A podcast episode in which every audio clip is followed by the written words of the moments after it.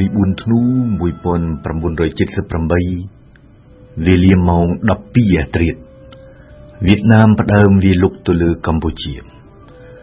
គឺជាប្រតិបត្តិការសឹកមួយធំធេងទាហានវៀតណាម120,000នាក់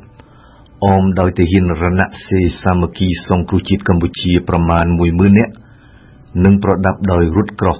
T54 និងឡាន Blende M113 បំពាក់ទៅដោយកំភ្លើងធំ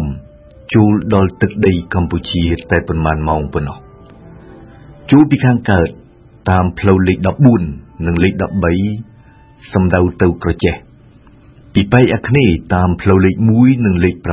7សំដៅទៅភ្នំពេញកំពង់ចាមនិងអ្នកលឿងពីខាងត្បូងតាមផ្លូវលេខ2សំដៅទៅកំពង់សោមនិងពីប៉ែកអេសានតាមផ្លូវលេខ19 តាមបណ្ដោយទន្លេមេគង្គសំដៅទៅស្ទឹងត្រែង គ្រប់ទីក្រុងធំធំនៅគ្រប់ទីរួមខេត្តធ្លាក់ទៅនៅក្រោមការកាន់កាប់របស់វៀតណាមយ៉ាងងាយស្រួលជាទីបំផុត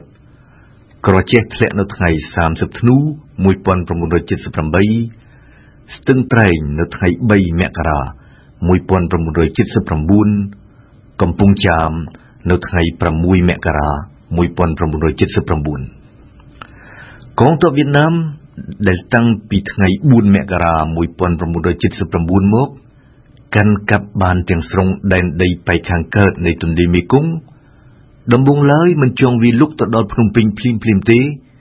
តែក្រោយមកបដូរចិត្តគំនិតវិញហេតុអ្វីនាយិនឆាន់ដានៅក្នុងសៀវភៅ Brother Enemy គូបញ្ជាក់ថាកុំម៉ង់ដូវៀតណាមពីរក្រុម ទទួលបញ្ជាឲ្យជួលទៅរំដោះសម្ដេចសៀនុចេញពីព្រះបរមរាជវាំងដើម្បីយកព្រះអង្គមកដឹកនាំរណសេរសាមគ្គីសង្គ្រោះជាតិកម្ពុជា តែបេសកកម្មនេះទទួលបរាជ័យបរាជ័យនៃបេសកកម្មនេះបើយោងទៅតាមនាយិនឆាន់ដាដដែលផ្គូផ្សំនឹងជោគជ័យដណ្ដើមយកបានងាយស្រួលពេកទៅលើពួកយោធាខ្មែរក្រហម គឺជាមូលហេតុចម្បង ដែលជំរុញឲ្យកងទ័ពវៀតណាម សម្រេចចិត្តឆ្លងទន្លេមេគង្គនៅទីបំផុត ហើយសម្ដៅទៅផ្ដួលរំលំរបបខ្មែរក្រហមជាស្ថាពរនៅភ្នំពេញក្នុងថ្ងៃ7មករា1979យ៉ាងណាក៏ដោយនៅថ្ងៃ5មករា1979ពីរថ្ងៃមុនភ្នំពេញធ្លាក់ពលពតថ្លែងសន្ទរកថាមួយតាមវិទ្យុគឺជាការអំពាវនាវឲ្យខ្មែររួបរวมគ្នានឹងត្រៀមខ្លួនធ្វើសង្គ្រាមយូរអង្វែង ប៉ុន្តែគ្មានប្រជាជនណាស្ដាប់ឮចង់ស្ដាប់ឬមានកម្លាំងស្ដាប់ទេ ស្ដាប់មិនឮត្បិតគ្មានវិទ្យុស្ដាប់ត្បិតប្រជាជនកំពុងស្ថិតនៅតាមព្រៃភ្នំស្រុកស្រែចម្ការរប៉ាត់រប៉ាយតាមភូមិឃុំ តំបន់និងភូមិភាគដាច់ស្រយាលមិនចង់ស្ដាប់និងអត់កម្លាំងស្ដាប់ត្បិតប្រជាជនកំពុងត្រដោះខ្យល់អត់បាយក្រហាយទឹក រងចាំតែគេមកជួយរងចាំតែគេមករំដោះ នៅថ្ងៃ5មករា1979ដដែលនោះពលពតទទួលជួបសម្ដេចសៀនុជាលើកទី1បង្អស់នឹងរយៈពេល4ម៉ោងពលពតស្នើសម្ដេចសៀនុឲ្យព្រះអង្គយាងទៅអង្គការសហប្រជាជាតិដោយឆ្លងកាត់តាមពីកាំងដើម្បីការពារបុព្វហេតុខ្មែរការពីរបបកម្ពុជាប្រជាធិបតេយ្យរបស់ខ្លួន។ស្អែកឡើងនៅថ្ងៃ6មករា1979 សម្ដេចសៀនុនិងប្រជាយាត្រូវដោះលែងពីការឃុំឃាំងនៅក្នុងព្រះបរមរាជវាំងរួចហើយនៅថ្ងៃរសៀលយាងឡើងយន្តហោះរបស់ចិនចាកចេញពីកម្ពុជា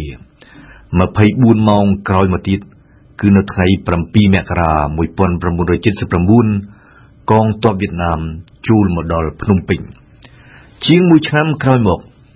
គឺនៅខែតុលា1980 ខៀវធីរិតប្រពន្ធរបស់អៀងសេរីក្រោយពីភៀសខ្លួនទៅដល់ទួលដែនថៃហើយរៀបរាប់ប្រាប់អេលីសាបេតបេកែថាយើងមានពេលប្រម៉ែប្រមូលខោអាវបានតែ2 3បន្លាស់ប៉ុណ្ណោះត្រូវទុកចោលទាំងអស់នៅភ្នំពេញ ពេលនោះយើងនឹកស្មានថានឹងអាចវិលត្រឡប់មកភ្នំពេញវិញឆាប់ឆាប់ពាក្យប៉ុន្មានម៉ាត់នេះរបស់ខៀវធីរិត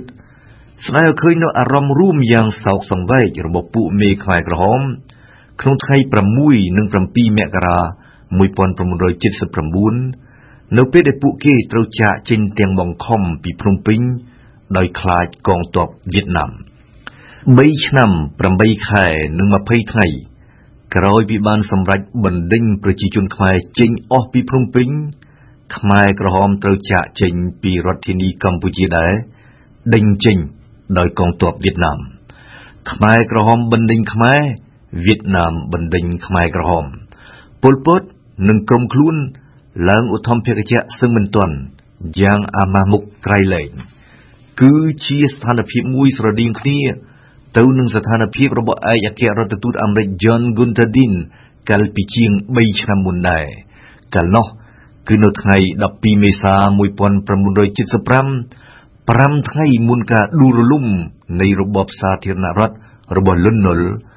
John Gunter Dean បានឡើងឧទ្ធម្ភាគចក្រហោះចេញពីភ្នំពេញយ៉ាងអាម៉ាមុខក្រៃលែង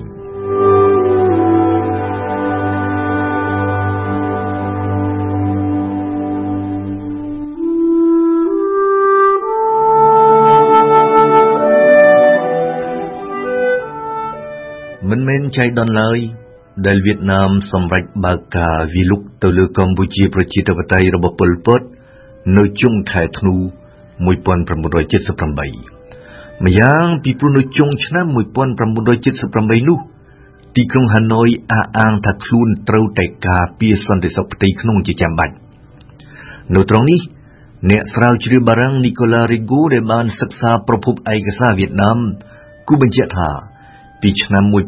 1975ដល់ចុងឆ្នាំ1978 ភូមិឃុំវៀតណាមនៅតាមព្រំដែនជាមួយកម្ពុជាចំនួន121ត្រូវខ្មែរក្រហមវាយកំទេចដុតបំផ្លាញហើយប្រជាជនប្រមាណជាង250,000នាក់អស់មានផ្ទះស្នាក់នៅម្យ៉ាងទៀតពីព្រោះនៅចុងឆ្នាំ1978នោះសារព័ត៌មាននៅអាស៊ីនិងនៅបច្ចិមលោកបន្តចុះផ្សាយប្រុងប្រយ័ត្នពីរបបសាហាវយងខ្នងរបស់ខ្មែរក្រហមដោយសារតែការនិយាយរៀបរាប់ ពីសំណាក់ជនភៀសខ្លួនខ្មែរដែលផ្ដើមទៅដល់ទឹកដីថៃម្យ៉ាងចុងក្រោយ នៅចុងខែធ្នូ1978នោះរណសេសាមគ្គីសង្គ្រោះជាតិកម្ពុជាដឹកនាំដោយហេងសំរិនត្រូវបង្កើតឡើងរួចរាល់ហើយ គឺកត្តាទាំងអស់នេះហើយដែលអនុញ្ញាតឲ្យវៀតណាមមានលេសឃោសនាថាខ្លួនធ្វើសង្គ្រាមប្រឆាំងនឹងរបបប៉ុលពត ក្នុងគោលដៅមនុស្សធម៌សុទ្ធសាធហើយមិនមែនដើម្បីឈ្លានពានកម្ពុជាឡើយ រាសម្រាប់រណសេសាមគ្គីសង្គ្រោះជាតិកម្ពុជាវិញ ដែលកេនប្រមូលផ្ដុំពួកអតីតយោធាខ្មែរក្រហមបូព៌ាពួកខ្មែរវៀតមីងនិងពួកជនភៀសខ្លួនខ្មែរការនាំកងទ័ពវៀតណាមជួលទៅផ្ដួលរំលំរបបខ្មែរក្រហម គឺជាកម្មវត្ថុបន្ទាន់និងចាំបាច់ជាទីបំផុត ពីព្រោះត្រូវបញ្ឈប់ការកាប់សម្លាប់រង្គាលឲ្យបានទាន់ពេលវេលា ហើយអ្វីបានជាពួកយោធាខ្មែរក្រហមពូជអ្នកចម្បាំងពូកែអងអាច ដែលបានច្បាំងឈ្នះចក្រពត្តិអាមេរិកតាំងពីបាតដៃទទេគ្មានសមត្ថភាពទប់ទល់នឹងកងទ័ពវៀតណាមទល់ទេសោះគួររំលឹកឡើងវិញថាចាប់ពីដើមឆ្នាំ1978ទៅ នៅតាមភូមិភាគនីមួយៗ ខ្មែរក្រហមបំផុសបំផុលមនោសញ្ចេតនាស្អប់ខ្ពើមវៀតណាមតាមរយៈពាក្យស្លោកប្រឆាំងនឹងខ្មាំងយួនសុទ្ធសឹងជាពាក្យស្លោកដែលពួកកងកុមារនិងពួកកងចល័តនៅតាមភូមិភាគនីមួយៗចេះចាំស្ទាត់នៅក្នុងន័យនេះ អង្គការអះអាងជាអាថាបើខ្មែរម្នាក់សម្លាប់យួនបាន30នាក់កម្ពុជានឹងយកឈ្នះវៀតណាមជាជាមិនខានដូចគ្នាយ៉ាងដែរ នៅថ្ងៃ10ឧសភា1978វិទ្យុខ្មែរក្រហម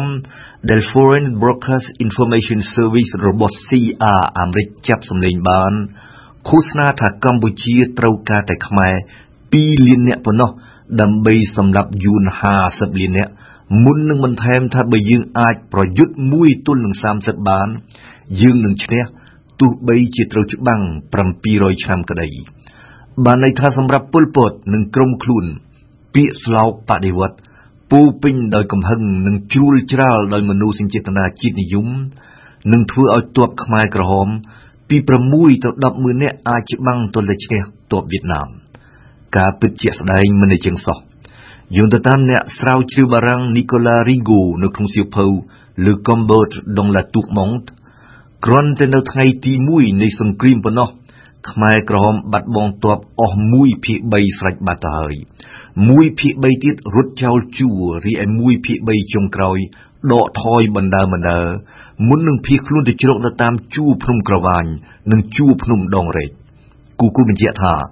នៅចុងឆ្នាំ1978ជាទូទៅ ពួកកម្មាភិបាលនិងពួកយោធាខ្មែរក្រហមសិតតែបាក់ទឹកចិត្ត ដែលហេតុតែនយោបាយបោះសម្អាតខ្មាំងឥតឈប់ឈរ